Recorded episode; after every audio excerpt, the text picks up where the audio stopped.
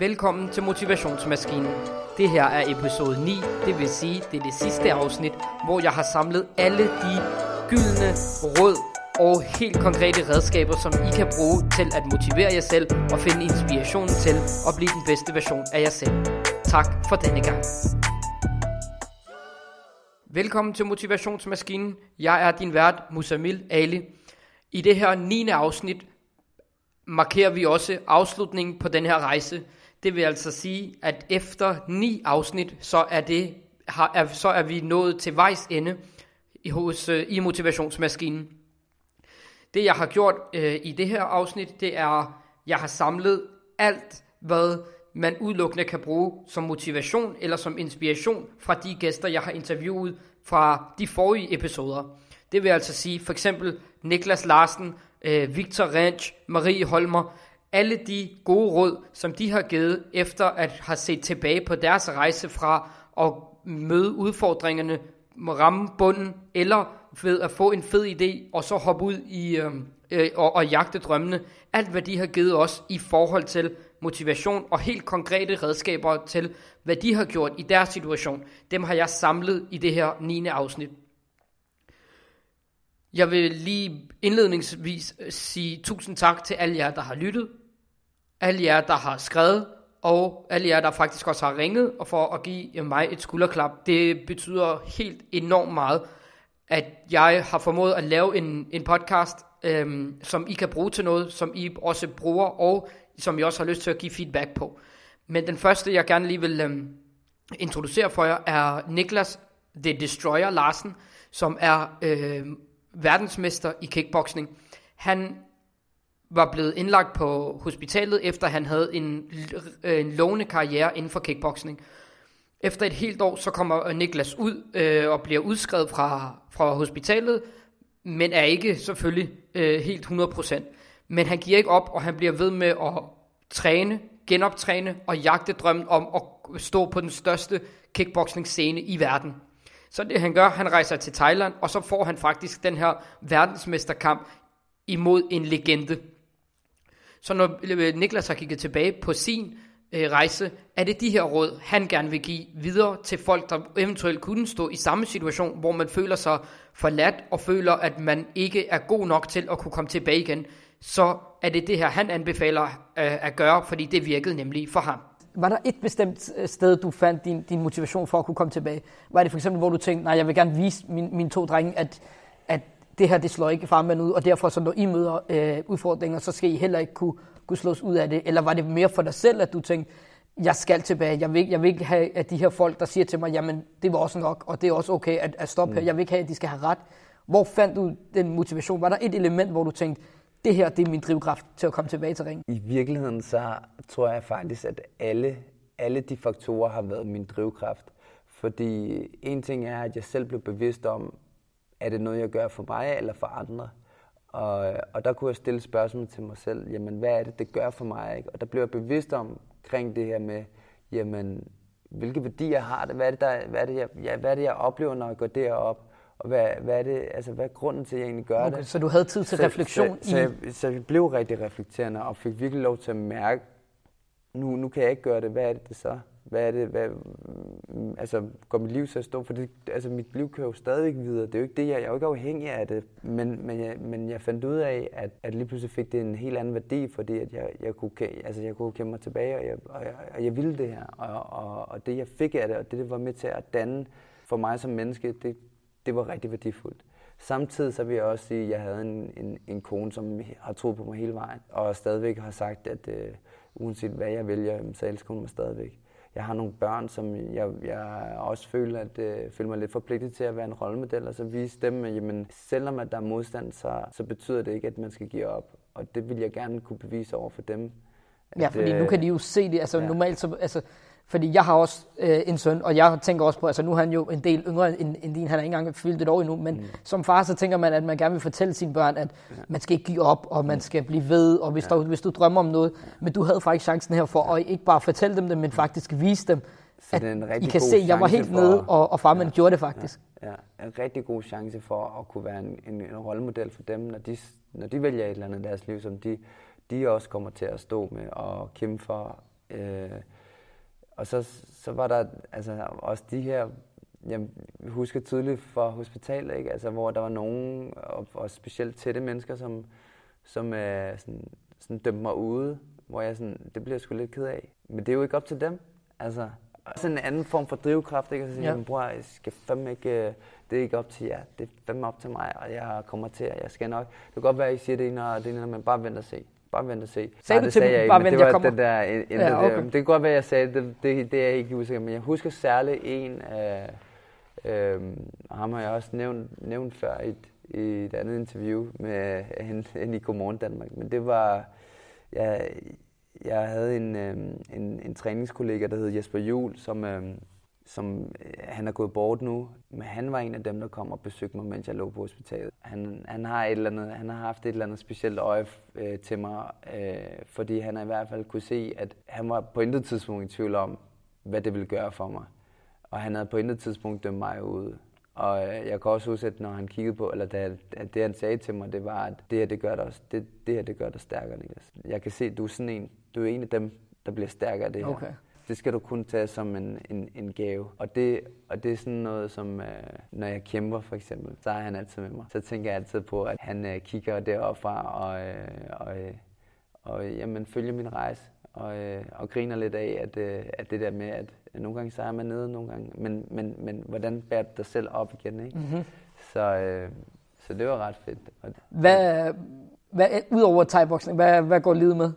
Jeg tror, at thai eller kickboxing, hvad man vil kalde det, kampsporten, det, det, går, det går med i alle elementer, fordi det, bliver, det er blevet en, en del af mig. Altså, og det er, når jeg, når jeg siger det, så handler det ikke om at slå og sparke, det er mere om, om forståelsen på livet og, og, og det der med, at, at livet er, er en stor læring, ikke? Og, og, og, og, og på den måde, når det ikke er fysisk thai-boxing eller kickboxing, når jeg ikke øh, underviser, jamen, så bruger jeg tid på netop at, at hjælpe andre mennesker med at ja, udleve deres drømme. Altså, så har jeg nogle livsstilscoaching-sessioner, hvor det er, at, øh, at jeg har, har med folk at gøre, som, øh, som, øh, som måske rigtig gerne vil udleve et eller andet, men ikke rigtig helt ved, hvordan de skal gøre.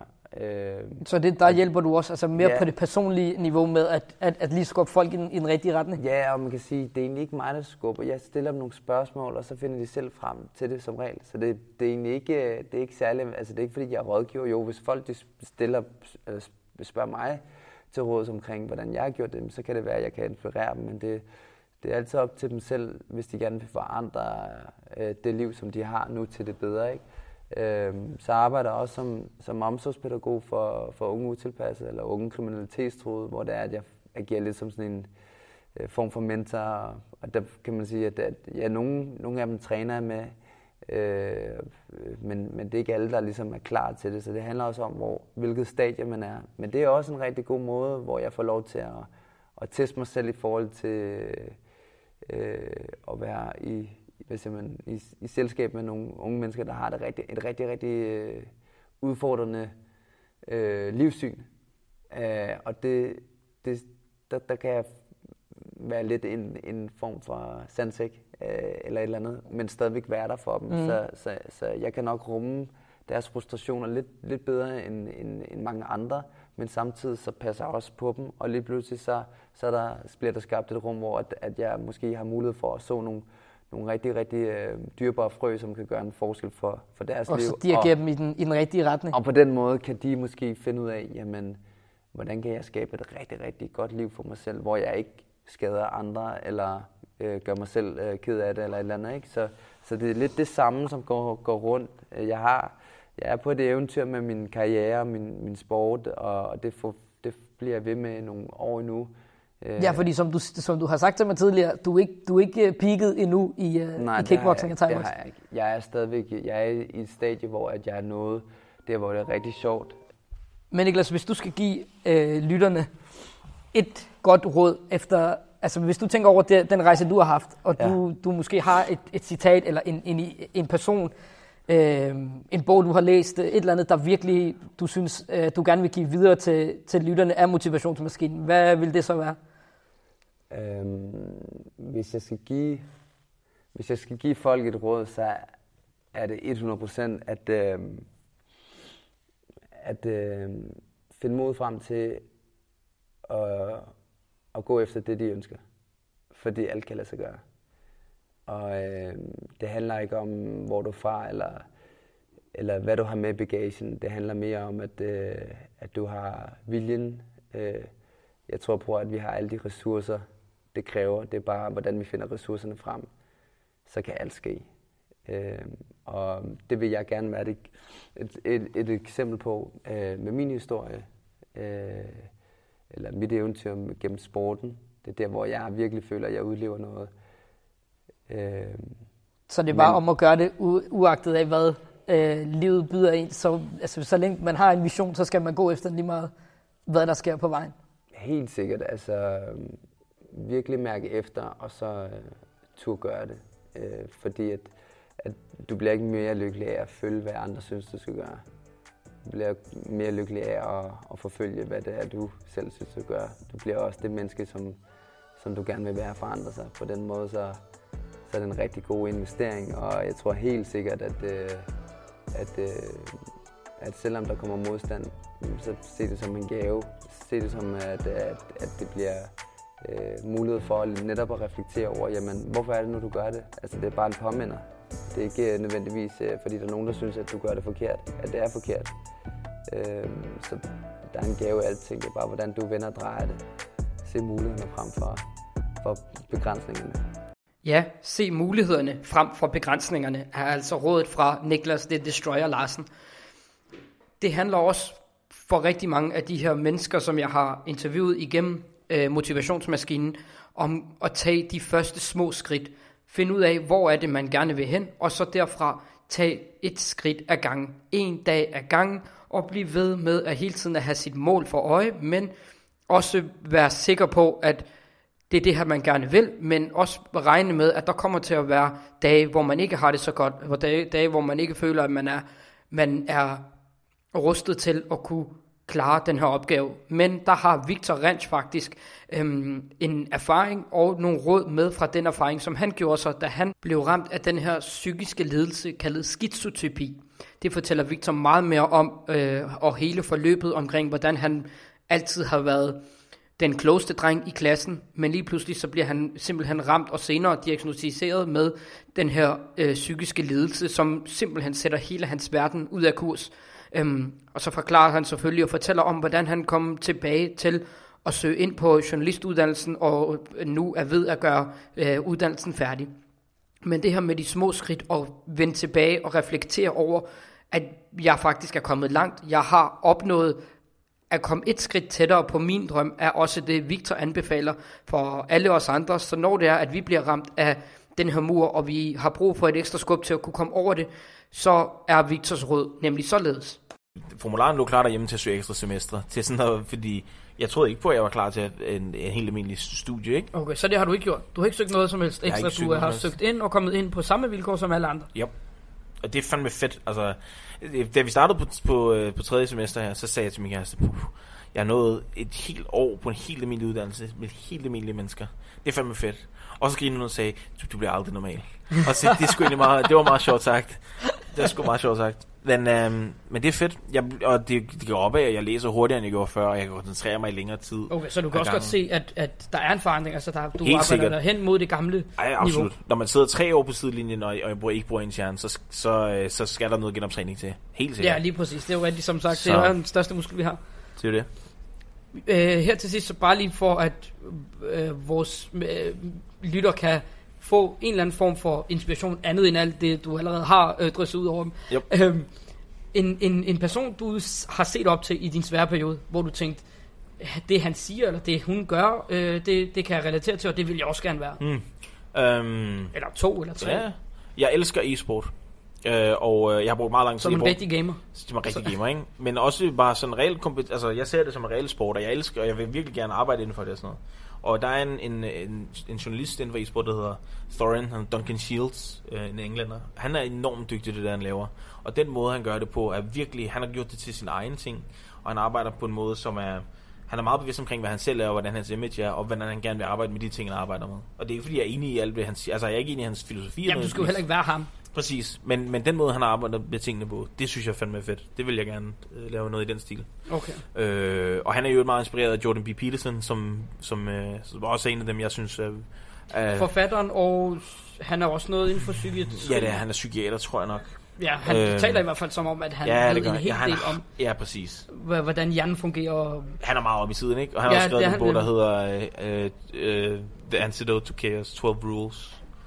Øh, som kan, øh, om ikke andet, vil jeg anbefale den som, øh, som sådan en inspiration. Det er ikke alting, der er, der er i den, der er øh, fedt. Men det er også der, sådan til personlig udvikling. Ja, præcis. Ja, Okay. så det tror jeg, det er nok de to, jeg sådan har, har læst meget af. Sådan været meget inspireret af. Igennem de her interviews og research omkring motivation og hvem de her mennesker, som jeg skulle interviewe, hvem de var og hvad de var for nogle typer, så har jeg meget lagt meget mærke til, at der er nogle af de her ting, som inspirerer dem, motiverer dem, som faktisk går igen hos de her mennesker. For eksempel så er der et meget generelt, en meget generel tendens til at lægge for meget vægt i andre menneskers meninger.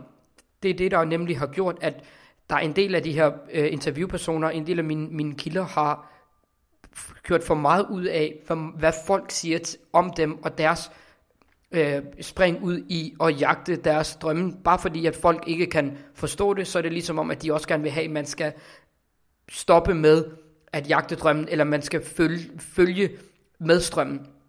Der snakkede jeg faktisk med Mads Grav, som er ejer og stifter af øh, butikken Cap Store. Han har altid elsket caps, har altid elsket kasketter øhm, og hovedbeklædning, så selvfølgelig så skulle han jo så, øh, gå den vej. Men der var også masser af, af skepsis med på hans vej, fordi det var noget af det første i, i Danmark, som faktisk var en fysisk butik, hvor du udelukkende næsten kun kunne købe hovedbeklædning.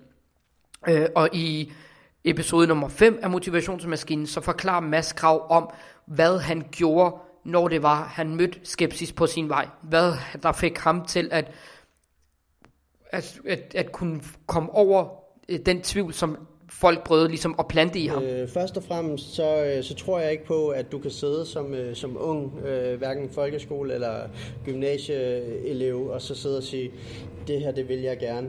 Øh, og så er det bare det, du vil altid. Øh, fordi at øh, mit bedste råd er nok, at du skal ud og få nogle erfaringer. Tag ud og arbejde, tag ud og rejse, tag ud og møde nogle mennesker, drik dig fuld med nogen, øh, løb en tur med nogen, gør lige, hvad du har lyst til, men, men bare gå ud og lev livet, og, og, og hvad hedder det. Og hvis du gør det, og hvis du er open-minded, og hvis du går ind til alle folk, som, som du også forventer, at folk skal gå til dig, jamen så synes jeg, at, at det har vist mig, at det har åbnet nogle døre. Mit netværk, jeg plejer at sige, min telefonbog, den, den, den er super glad for. Vi sad i folkeskolen og bladre os med, hvor mange har du med M, og hvor mange har du med A, og så videre. I, i dag, der vil jeg jo ikke bytte øh, noget for, for, for, for, for, for mit netværk. Altså, jeg er glad for mit netværk. Det er tilstrækkeligt. Det er, det er ikke sådan et netværk, at jeg kan stå i morgen, og så kunne jeg have et nyt husagtigt netværk, men det er et netværk, som er til, til det niveau, jeg er på.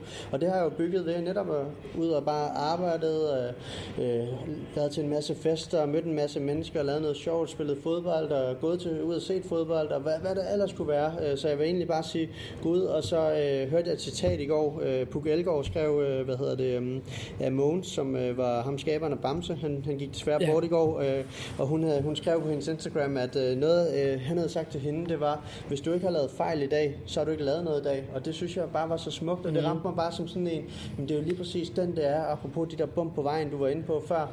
Altså gå ud og, øh, gå ud og slå dig og rejse dig op igen. Vi kan også sådan sætte lidt billedsprog på og sige tilbage til vores børn, ja, du lærer øh, at gå, så vælter du, så rejser du dig igen, og så går du, og det er egentlig lidt simpelt, ja. men det er egentlig bare det, der skal til. Og så så vil jeg faktisk også sige, at jeg har lært rigtig meget det sidste par år med det der med ting, der førhen stressede mig, som jeg så ser i mine medarbejdere nu stå og stress over, hvad jeg så skal sige til dem.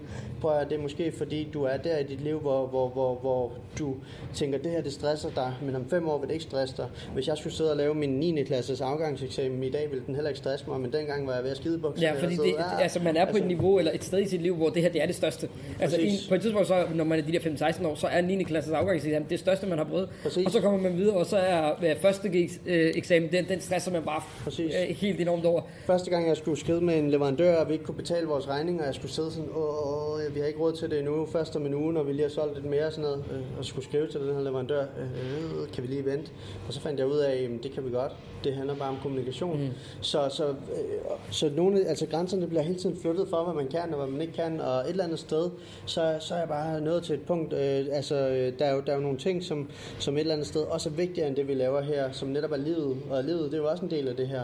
Men, men, men nogle gange kan man også sætte det lidt i perspektiv, det hele. Sådan, hvad, hvad er dine rigtige værdier, hvis du kan følge mig? Mm. Er det pengene, eller er det din familie, eller, eller, eller hvad må det være? Og, og jeg tror, en, en god balance i det. Så altså, mit bedste råd, ganske simpelt, det er at leve livet og, og, og, og, og, og se, hvad, hvad, hvad, hvad du møder på din vej. Og hvis din drøm er at blive øh, pilot, så søg ind på det, hvis du kan det. Hvis det er at blive politibetjent, så gør det. Hvis du vil være iværksætter, så find din, din hylde. Altså bare prøv, og hvis det ikke er det, så gør noget andet. Så drejer mm. du bare den anden vej. Altså det, det er jo ligesom i metroen, du tager toget den forkerte vej, så stå af, og så tager det den anden vej. Det er, altså, ikke, det er ikke værre, altså det er ikke mere kompliceret end det. Det er ja. så simpelt, fordi du, altså, du har en destination. Det er bare, hvordan du kommer derud. Og så nogle gange, ja, som du siger, så kører du den forkerte vej. Præcis. Og det er også okay, fordi at der kommer på et tidspunkt, hvis du selvfølgelig bliver ved og ikke giver op, jamen så skal du nok komme, komme, komme til destinationen. Præcis. Og nogen, de kommer hurtigt til det, øh, og så kan det være, at man, man kommer så hurtigt til det, at man ikke rigtig værdsætter det. Men den der kamp fra at komme fra, et, fra 0 til 1, 2, 3, måske tilbage til 1, og så køre den op igen.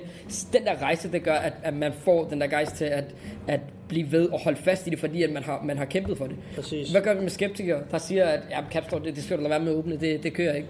Det kommer ikke til at køre.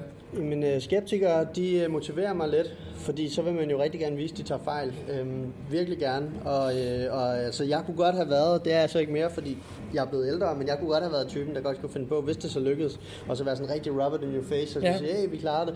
Men, øh, men øh, skeptikere øh, kan også godt de at tage en snak med, en debat med, ligesom at finde ind til kernen. Hvorfor er det, du skal, hvorfor har du brug for at fortælle andre, at de ikke kan noget?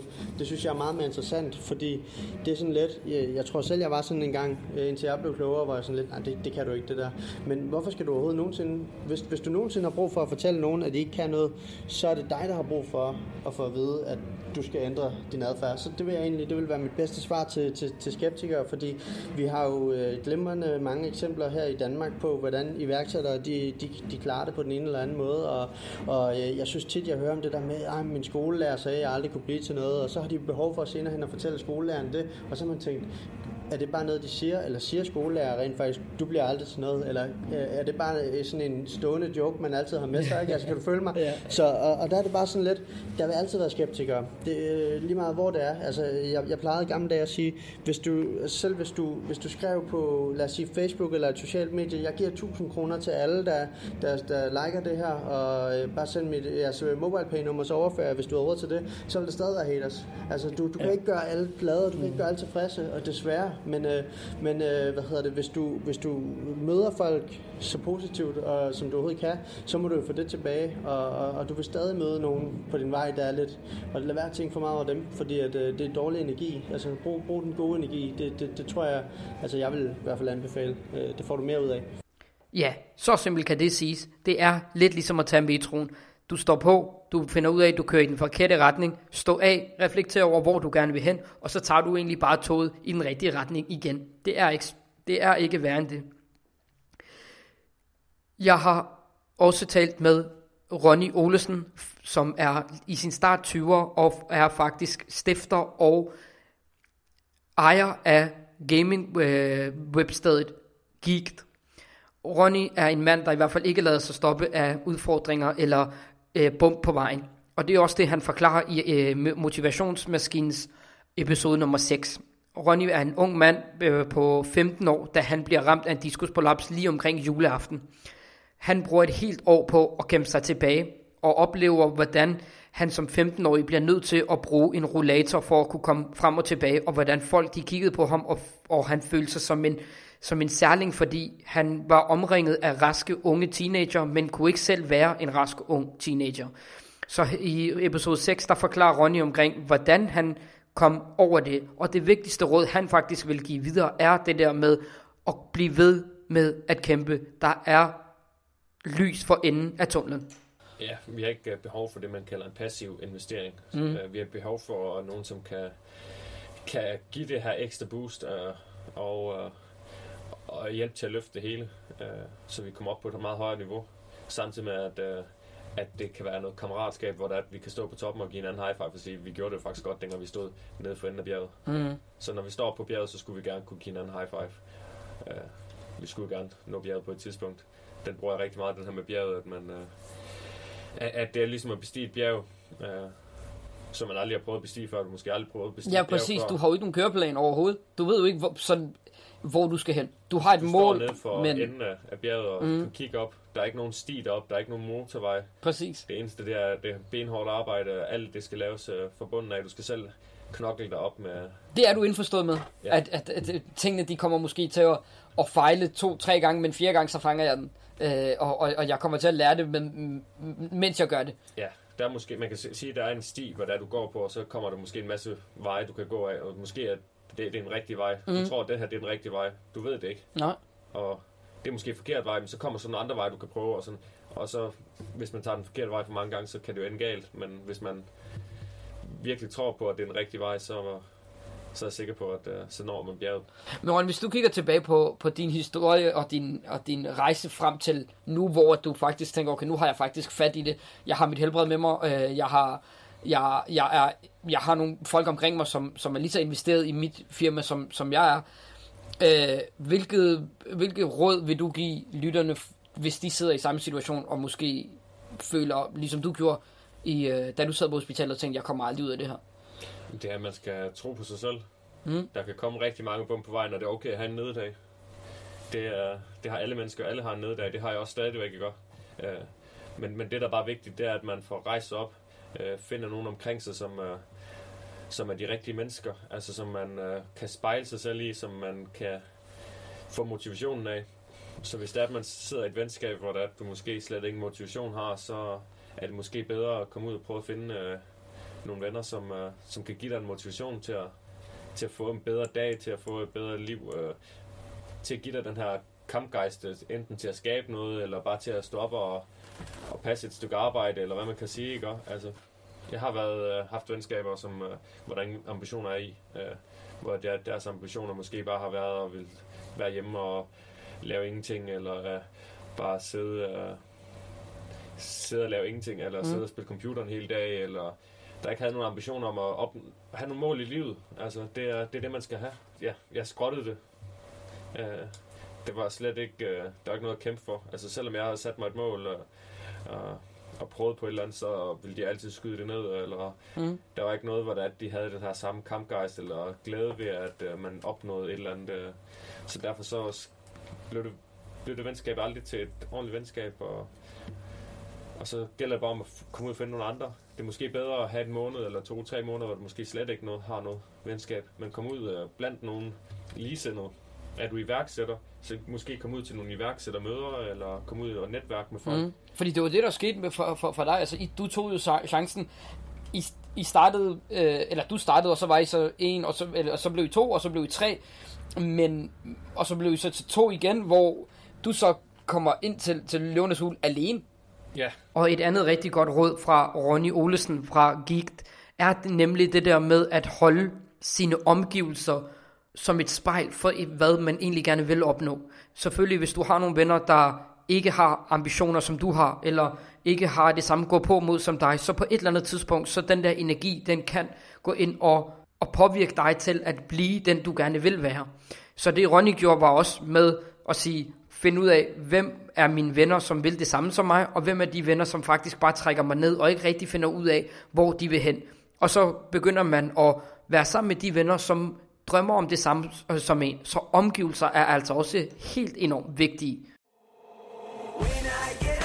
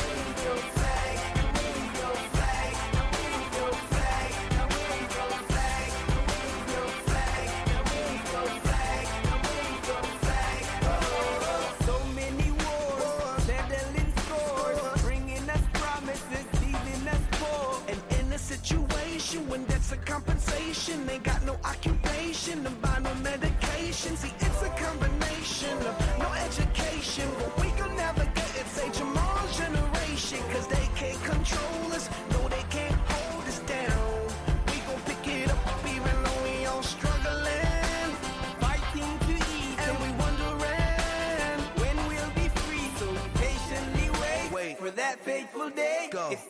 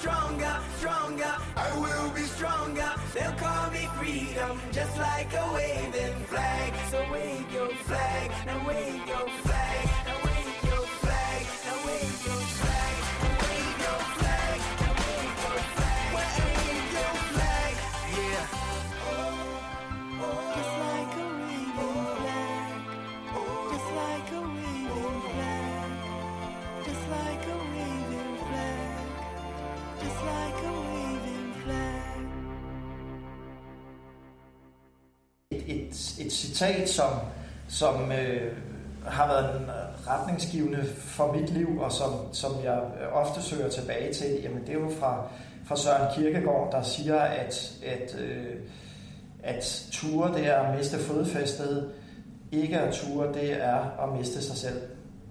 Og det, øh, det tror jeg egentlig, det har jeg i hvert fald gang på gang sådan, ligesom vendt tilbage til de citater. Det tror jeg egentlig er, er, er meget godt rammende på, på, på mig. Man skal ture tage nogle chancer. Man skal ture prøve at udvikle sig. Mm. Og så den der frygt for at fejle, det, det skal man bare tage, tage med, fordi Jamen når man. Jamen, altså ingen er jo fejlfri. Jeg er ikke fejlfri. Jeg begår da øh, fejl. Øh, forhåbentlig øh, ikke særlig mange, men, men, men øh, alle begår der fejl i deres liv, enten det er privatperson eller faglig person. og, øh, og det er også øh, Øh, noget, jeg siger til, til mange af dem, jeg repræsenterer. Altså, det er jo både offentlige ansatte, og så er det i almindelige straffesager. Jamen altså, man må jo bare lære at stå til ansvar for, for, øh, for ens handlinger. Og, øh, og så prøve at få det bedste ud af det. Og, øh, og selvfølgelig er ingen fejlfri. Øh, og det er jeg selvfølgelig heller ikke. Men øh, man må prøve øh, stadigvæk. Øh, og så er det, altså, jeg, jeg synes jo i bund og grund også, at jeg har ret, øh, hvad skal vi sige, øh, humanistisk livssyn, ikke også? Så det er jo, jeg synes jo også, det er vigtigt i, i mange af de her betragtninger at, at, at tage med, at, at man jo ikke skal være, altså, det kan godt være, at man kan være ambitiøs og, og, og sådan, men, men man skal jo i bund og grund også øh, have noget næstekærlighed og, og, og tænke på ens medmennesker, så, så det er i hvert fald nogle ting, som jeg også ligesom forsøger at, at, at, at tage med mig og, og, og dele ud af, og, og eksempelvis stille op med af til noget gratis rådgivning, og, og sådan, hvis der er behov for det. At ture er at miste fodfæstet, men ikke at ture er at miste sig selv, som Søren Kierkegaard sagde. Det er altså et af de citater, som Jakob Bug Jebsen har brugt i sit liv, når han har stået over for nye udfordringer, som men har været nervøs for, om det var noget for ham, eller om det var, om det var en opgave, han kunne magte. Jakob Bug Jebsen er jo nok mest kendt som anklageren i ubådssagen. Han har også skrevet en bog, som han nævner her i det her klip, og han arbejder i dag som advokat. Men det citat, han bruger, er nemlig fordi, når han står over for en ny udfordring, som han ikke ved, om han er god nok til, om han er rustet til, men tror på, at han kan gøre en god indsats, jamen så tør han at hoppe ud i det. Fordi hvis ikke han gør det, så kan det faktisk risikere, at han, vil, han kommer til at miste noget af sig selv, eller kommer til at fortryde det. Så derfor, så hop ud i det, og derfra, så tager vi det stille og roligt. Man skal prøve, hvor meget man kan. Og man skal ikke bare sådan på en gang, når man er... Når man er når man er ikke nået første gang, så skal man prøve det igen, indtil man kommer videre. Ja. Og sidst, jeg, jeg var i København for sidste sommer, Mm. Og jeg skulle bare øh, øh, tage til en, øh, et bryllup, og så kører jeg bare en fin bil. Den sted, den her musik, Ja. den her, øh, øh, Indiens musik, Mm. mm. indisk, øh, amerikanske øh, Ja. musik, hvad kalder man det? Jeg kørte lige præcis den sted, altså lige forbi med min fin bil. Ja. Ja. ja. For ligesom også at se, hvor, hvor langt du, du er kommet. Altså, ja. hvor du startede, så og får hvor du er henne. får jeg den der flashback. Og det var ikke med vilje, jeg skulle køre. Mm. Men det var kørt forbi, og så kigger jeg bare. Og jeg har altid sådan den her... Lige så når jeg kommer ind i København, så får jeg det dårligt i Ja. starten. Ja. ja. Og så der, da jeg kørte forbi den her sted, lige den sted, hvor jeg står og venter og kigger rundt Mhm. og hører den her musik, ikke?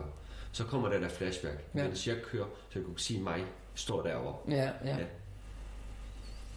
Som, som man skal tage sine chancer, Ja, man fordi man ved aldrig, chancer, hvad der og kan man skal ske. gøre det og sådan nogle ting, og man skal sige, og, og, og Danmark, det, det er et land, hvor, hvor man har rigtig mange muligheder. Så bare tag den her chance og prøv og prøv, indtil man kommer til sin drøm.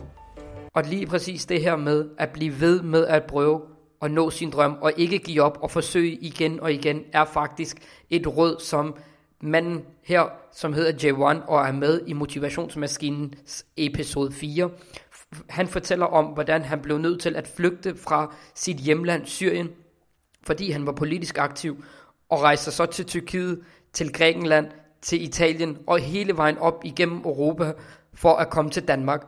Og i dag der er han en succesfuld fotograf. Så hvis det kan ske for Jevan at komme fra Syrien hele vejen op til Danmark, hvor han har fået en bedre tilværelse, så er hans bedste råd altså, bliv ved med at prøve. Hvis du tror på noget, jamen så bliv ved med at give det en skalle. Det kommer ikke til at lykkes første gang, heller ikke anden gang måske, men hvis du bliver ved, så skal du nok nå frem til dit mål.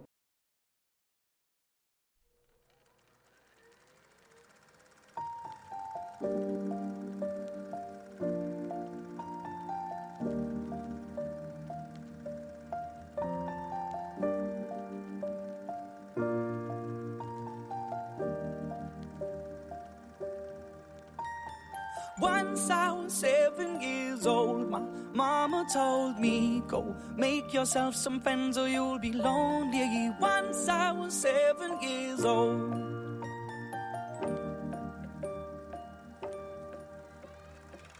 It was a big, big world, but we thought we were bigger.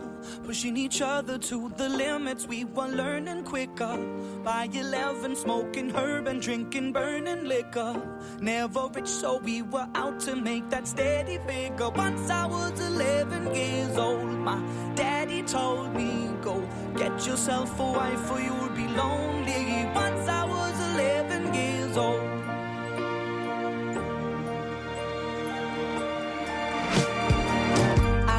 Always had that dream like my daddy before me. So I started writing songs, I started writing stories. Something about that glory just always seemed to bore me. Cause only those I really love will ever really know me. Once I was 20 years old, my story got told. Before the morning sun when life was lonely.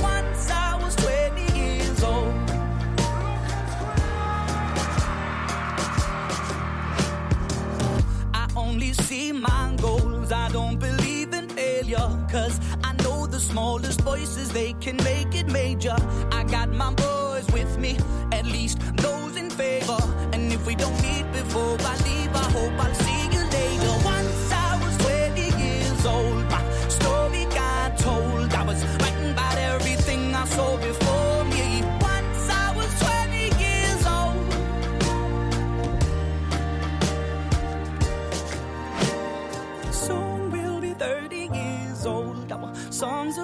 sold. We've traveled around the world and we're still roaming. Soon we'll be 30 years old.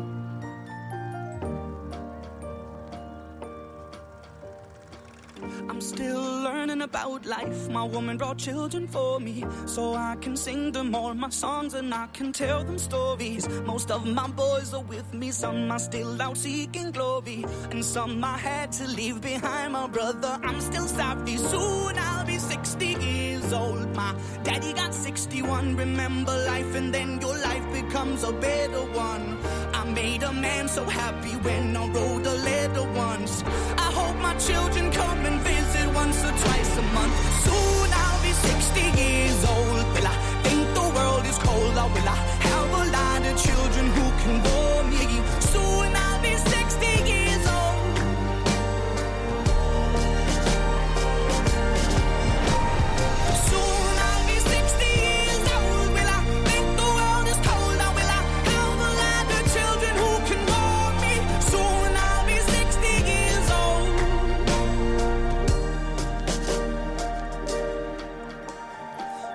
since I was seven years old, Mama told me, Go make yourself some friends or you'll be lonely. Once I was seven years old.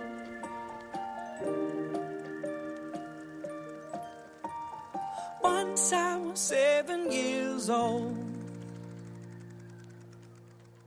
Ja, og så fra en dansk kunstner til en anden. Jeg har også talt med rapperen Uso fra Aarhus, som har været på den danske rapscene siden start øh, 2000, hvis ikke slut øh, 1990'erne, hvor han har domineret sammen med de største navne inden for, for dansk musik. Men Uso fortæller meget om i hans interview omkring det her med ikke at være materialistisk. Det handler ikke om pengene. Det handler ikke om, at jeg vil have en stor øh, bil, eller jeg vil have et stort hus.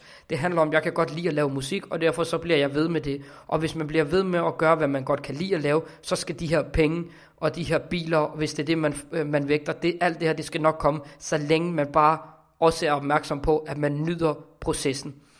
Uso anbefaler faktisk en bog, som han vil give videre til folk, som gerne vil se andet end bare pengene og, og den her rigdom, øhm, og faktisk gerne vil prioritere de rigtige ting i livet. Det er altså en anbefaling fra rapperen Uso.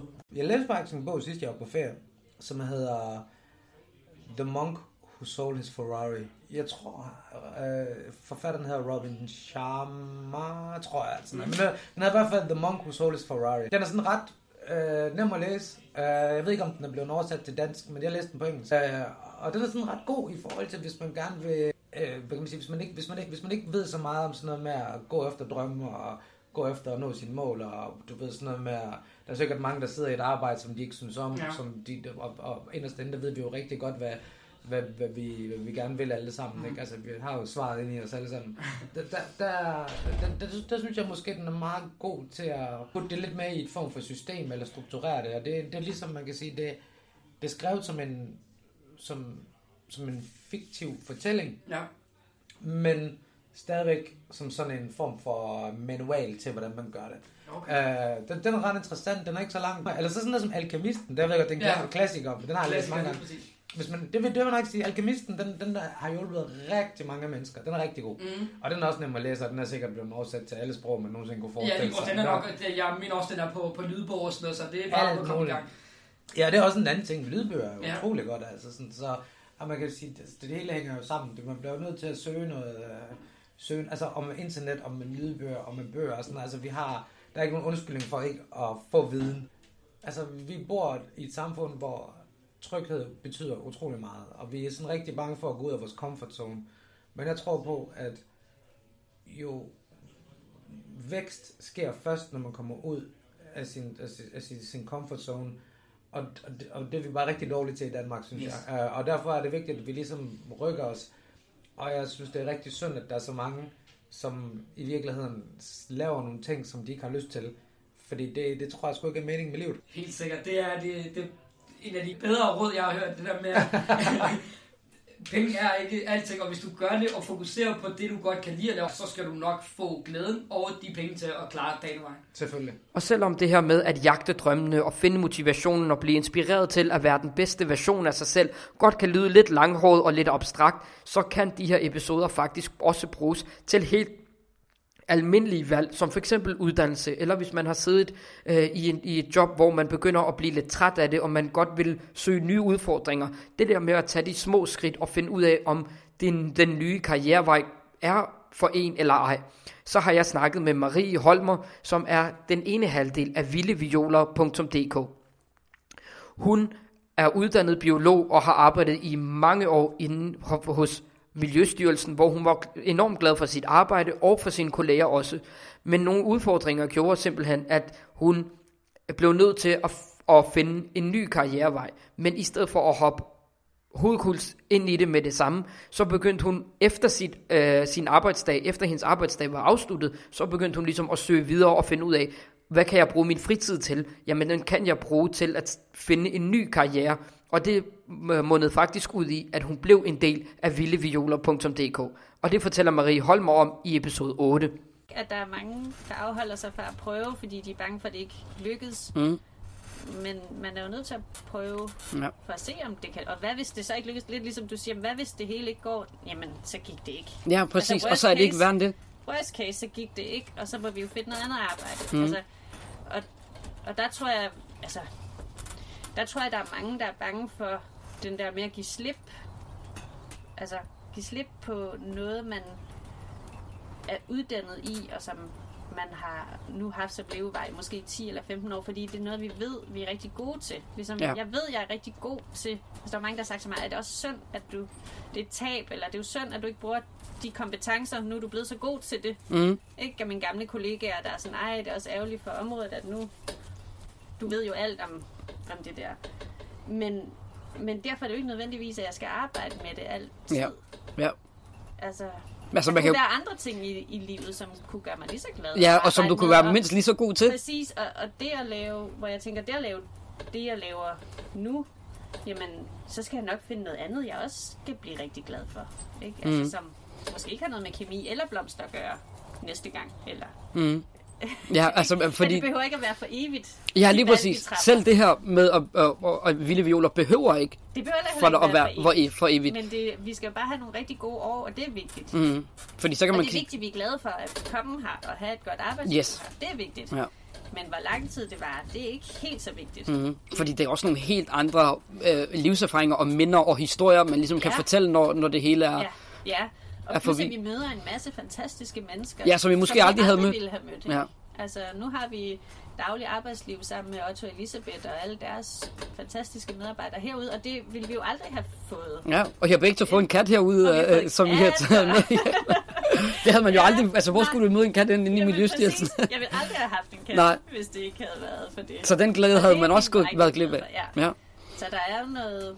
Og der, altså, det snakker jeg også med Christina om, det der med, at vi, som sagt, er vi jo hverken blomsterbinder eller gardner uddannelser, har jo ikke på den måde udlevet sådan en blomsterdrøm. Mhm. Men vi kan faktisk rigtig godt lide arbejdet med både at dyrke Ja. og se tingene, altså både at så ting og plante ting og se det vokse op og høste det og, og så faktisk også det æstetiske arbejde med blomsterne, Ja. få det til at se rigtig flot ud.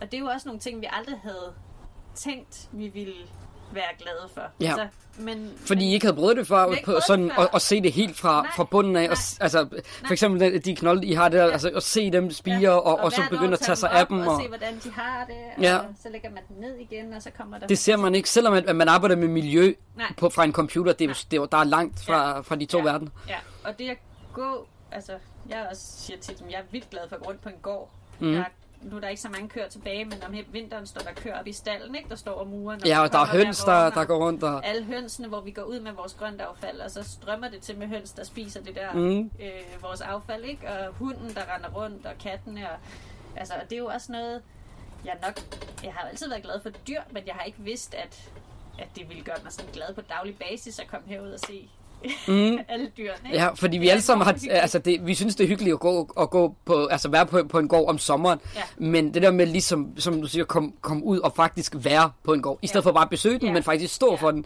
Ja. øh, for jorden og Ja. for, og, altså, og Ja. dyrene, jeg sørger for, at de også får noget at spise, og Det er en det- anden fornemmelse at være en del af et arbejdsfællesskab på en gård, og høre til at være en del af det, Mhm. synes jeg, end at bare komme på besøg.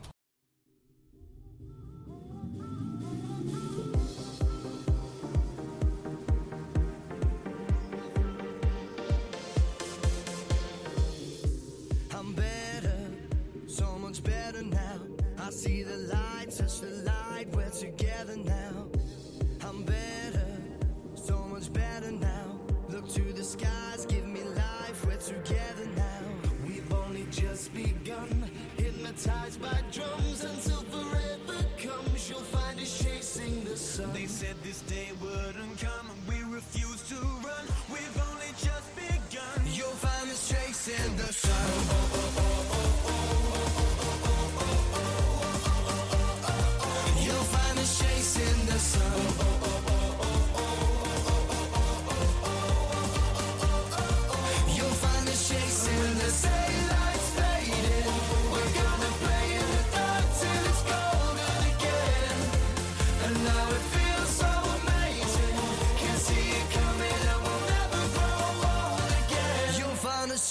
Chasing the sun. I'm never,